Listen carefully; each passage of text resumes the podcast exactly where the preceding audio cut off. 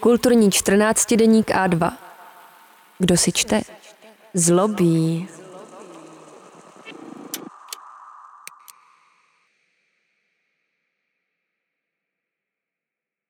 Ivana Piptová Mimo Limbus Elysium není. Literární odkaz Elzy Morante. Pro popis vlny zájmu o knihy italských autorek, spojeného s jejich kritickým uznáním, se někdy v souvislosti s mezinárodním úspěchem románu Elény Ferrante používá termínu The Ferrante efekt. Zajímavých spisovatelek měla Itálie vždy poměrně dost. Často se jim však nedařilo trvale proniknout do muži ovládaného literárního světa a témata jako vztahy mezi ženami či každodenní život v patriarchální společnosti nebývala brána vážně. Tato situace se díky Ferrante zásadně změnila a přitáhla nejen větší pozornost k tvorbě současných autorek, ale obnovila i zájem o důležitá díla minulosti. Do angličtiny tak byla například znovu přeložena rodinná kronika Natalie Ginsburg či Arturův ostrov Elzy Morante. Znovu objevovány začaly být autorky jako Goliarda Sapienza či Anna Maria Ortese.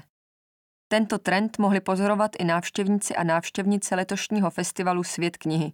Jehož čestným hostem byla Itálie. Své tituly osobně představili Stefania Auči, do češtiny máme dosud přeložené dva díly její ságy rodu Floriu, Sicilští lvy a lvy na výsluní.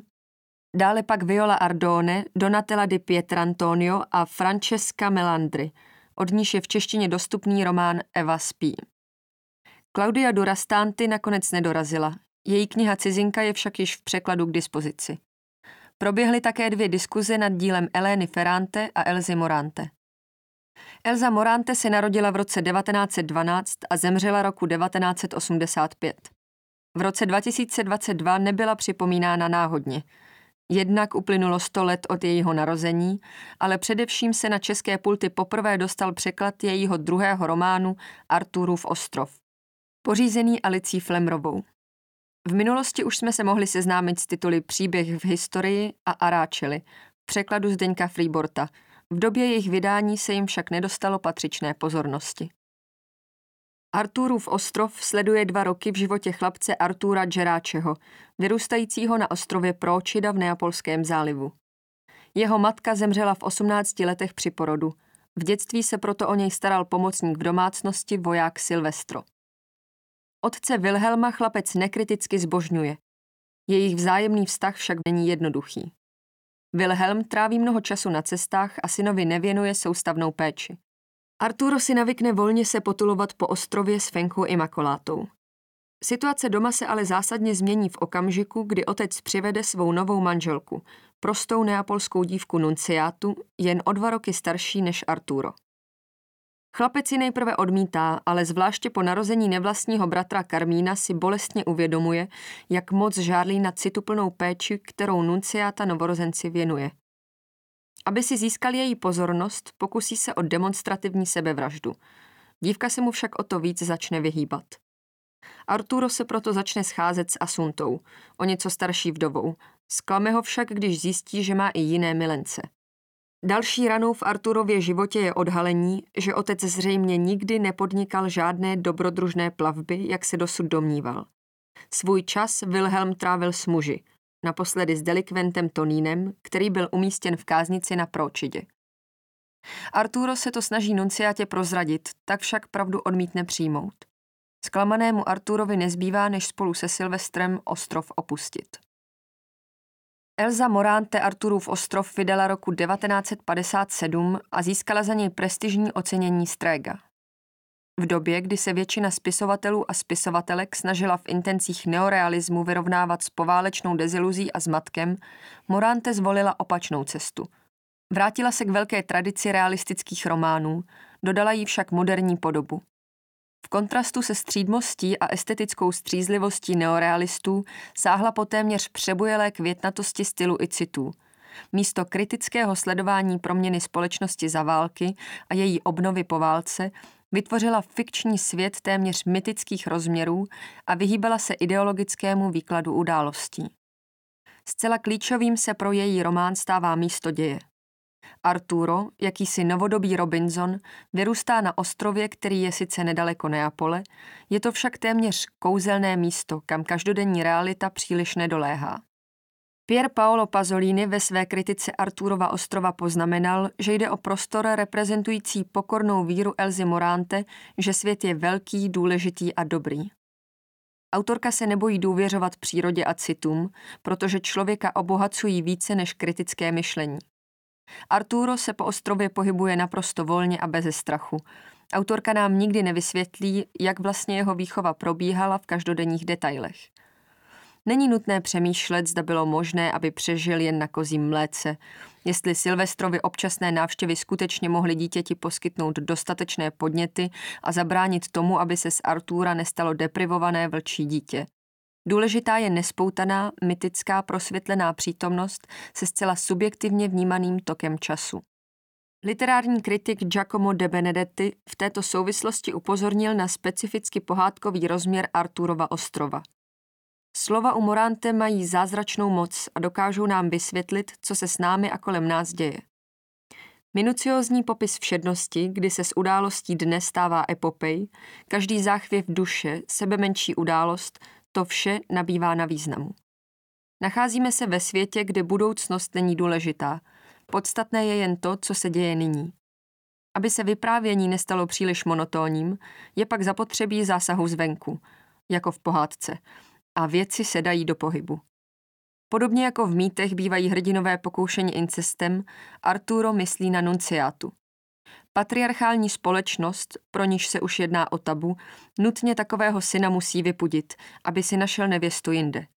Arturo je tak nucen opustit otcovský dům a seznámit se s Asuntou. Otec, ten, který se odvažoval přeplout moře, toto synonymum nekonečných možností, ale i nutnosti opustit rajské místo představivosti, nutně v Arturových očích nabývá až nadlidských rozměrů. Díky svému napůl německému původu je Wilhelm vysoký blondák, tolik odlišný od snědého drobného syna, kterému říkal mouřeníne a nikdy ho nenaučil svůj rodný jazyk. Choval se vždy přezíravě a hrubě. Pro Artura ale byla jeho autorita nedotknutelná. O ženách, včetně Arturovy matky, se vyjadřoval pohrdavě a s odporem. A třeba, že si chlapec uchoval víru v posvátnost mateřské lásky, ostatní názory od otce převzal. Když syn pochopí, že otec není tou bájnou bytostí, za kterou ho měl, že nikdy nepodnikal odvážná dobrodružství, ale trávil čas milostným vztahem s mužem, pro kterého je přitom jen karikaturou a před nímž se ponižuje, způsobí to Arturovi šok. Nikdy však nenalezne odvahu odevzdat otci dopis, ve kterém se mu ze své nenávisti vyzná. Vzhledem k tomu, že se děj románu odehrává v předvečer druhé světové války, znamená opuštění otcovského domu také skutečnost, že Arturo bude muset narukovat. Bude to tak nakonec paradoxně on sám, kdo naplní požadavky kodexu, který si pro sebe v dětství vytvořil a který říká, že skutečná velikost muže spočívá v odvážných činech, pohrdání nebezpečím a v odvaze projevené v boji. Je však zjevné, že odchodem ztratí veškerou výjimečnost Trajského ostrova. Možná se stane dospělým mužem, ale již nikdy nebude pánem světa. Stane se průměrným člověkem. Pro Očida je Arturův ostrov, prostor, kde fantazii přikrmuje dobrodružná četba, ale jde o výjimečné místo samo o sobě. Navzdory tomu se jeví zároveň i jako vězení, reálné i metaforické. Pokud chce Arturo dospět a vymanit se z otcova vlivu, musí Pročidu opustit. De Benedetti však připomíná odkaz Elzy Morante na Tamína z Mozartovy kouzelné flétny. Tamíno, který podstoupí veškeré zkoušky, na závěr s Pamínou ubrání chrám moudrosti a bude žít šťastně a svobodně. Slunce zvítězilo nad nocí. Když však Arturo svůj ostrov opustí, svůj chrám moudrosti ztratí. Jeho iniciace k ničemu nevede. Mimo Limbus Elysium není, píše Morante v básni dedikaci uvozující text románu. Druhou nejdůležitější postavou, s níž se Arturo potkává, je jeho macecha Nunciata. Pokud nepočítáme Fenku Imakolátu, představuje vlastně první reálný ženský prvek v jeho životě. Na počátku k ní cítí takový odpor, podpořený léty otcovské výchovy, že ji ani nedokáže oslovit jménem. To se však postupně mění, když vysleduje, jak odevzdaná a milá zůstává navzdory všem nepřízním. Začne si všímat její odolnosti, neutuchající péče o hrubého manžela i malého synka. Díky ní si Arturo uvědomí, že vlastně nikdy nebyl políben a posedlý tímto zjištěním vidí pak polipky všude kolem sebe. O to víc ho však překvapí, když ho nunciáta odmítne. Nedokáže pochopit, že třeba, že není šťastná, její výchova i křesťanská víra ji vedou k tomu, aby se svým mužem zůstala, i když k Arturovi cítí náklonost. Nunciátiným odhodláním neotřese ani když ji Arturo spraví o otcově homosexualitě. V nunciátině světě tento koncept neexistuje. Není to téma k diskuzi. Pro Artura je jeho touha dostatečným oprávněním k tomu, aby nunciátě strhl na ušnice, když otce odmítne opustit. Dosud se sebejistě domníval, že jeho přízeň poskytne nunciátě dostatečnou odměnu za dlouhodobé příkoří. Vždyť dosud miloval jen dvě bytosti, ji a svého otce. S tuto logikou věnuje nunciátě pozornost. Může se stát královnou mezi ženami, zasloužit si být ženou krále.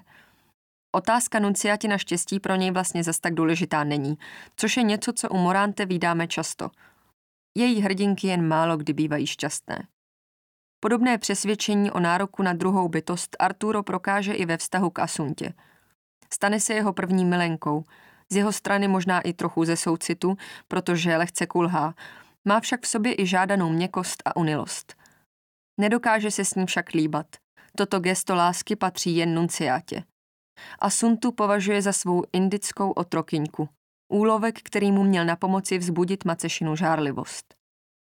Všechny ženy, které si Arturo oblíbil, včetně Fenky i Makoláty, charakterizuje oddanost.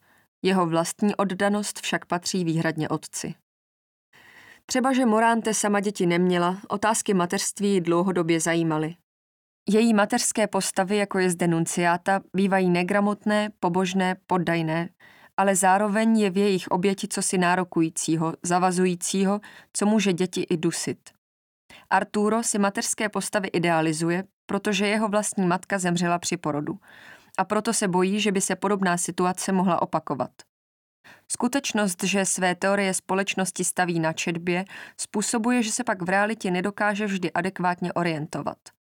Svou četbou se snaží vnutit světu tvář, ten ji však odmítá a nabízí tisíc jiných tváří, které Arturo nezná a s nimiž nepočítal. Je to obdobně pomílená idealizace, jakou vtiskl svému otci. Literatura se stává u Elzy Morante nebezpečnou záležitostí. Ve spojení se sebestředností a mladickým opájením se sebou samým v sobě může mít nebezpečný nárok. Morante se se svým hrdinou Arturem stotožňovala. Jak sama říkala, rozpomínala se skrze něj na dobu, kdy sama byla chlapcem. Opakované výjevy misogynie, kterým jsou podrobovány nunciáta a ostatní ženy, působí tísnivě. Téměř jako by v nich rezonovala nota sadistické sebezálibnosti, která překračuje pouhou ilustraci jevu. Ve všech těch scénách odporu k ženám je zároveň ze strany Morante cosi moderního, co odmítá vlastní gender, a přitom cosi velmi konzervativního, když co by protilék nenávisti nabízí křesťanskou submisivitu, která nakonec tvrdá mužská srdce obměkčí. Vzhledem k tomu, že Arturo příběh vypráví až s časovým odstupem v dospělosti, nemůžeme ani říct, že šlo o nepoučený pohled mladého chlapce. Zranitelnost mládí a bouřlivost emocí patří mezi velká témata Arturova ostrova. Prostor pro ně však mají především muži. Podobně problematickým se také jeví zobrazování homosexuality. Morante měla k homosexuálům blízko, přesto se však její vykreslení zdá být překvapivě těžkopádné.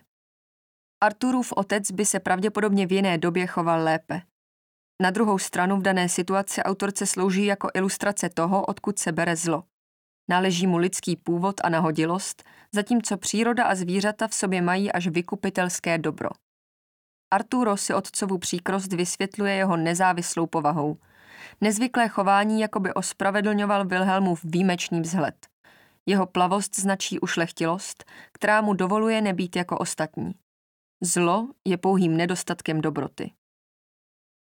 Arturo promlouvá vysoce stylizovaným jazykem, neuměrným věku, ve kterém děj vypráví.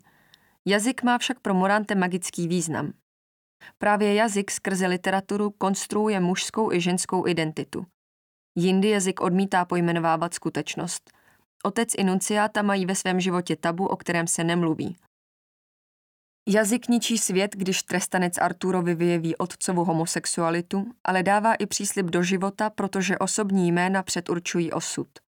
S touto důvěrou v jazyk nás nemůže překvapit, že je román nesmírně košatý, vylévá se z břehů, místy je repetitivní a příliš popisný. Jeho lirické kvality z něj však činí nevšední dílo.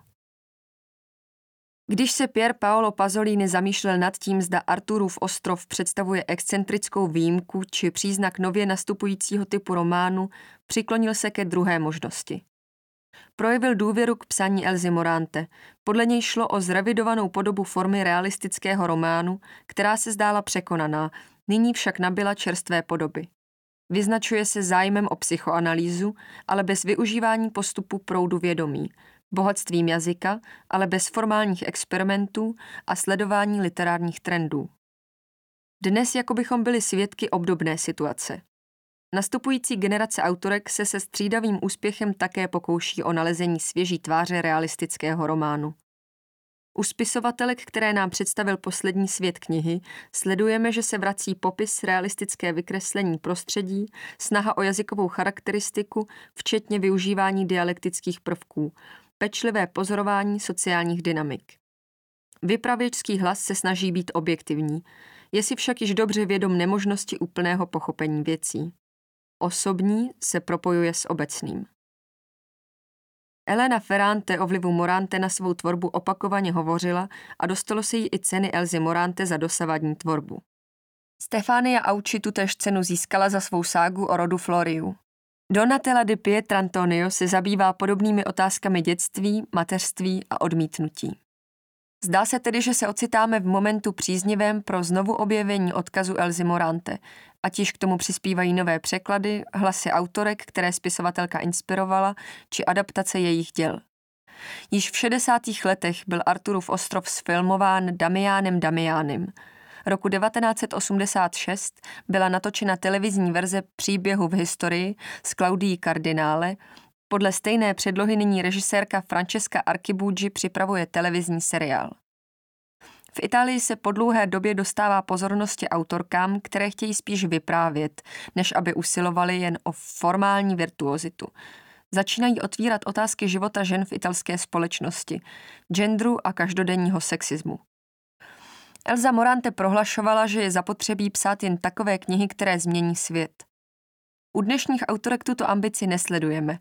Vidíme však, že se nebojí prosadit vlastní hlas a hovořit o tématech, která dřív nebyla italským literárním establishmentem považována za důležitá. A nebudou již kvůli tomu vyčleňovány do harému, jak se Morante obávala, ale stanou se plnohodnotnými a rovnocennými partnery.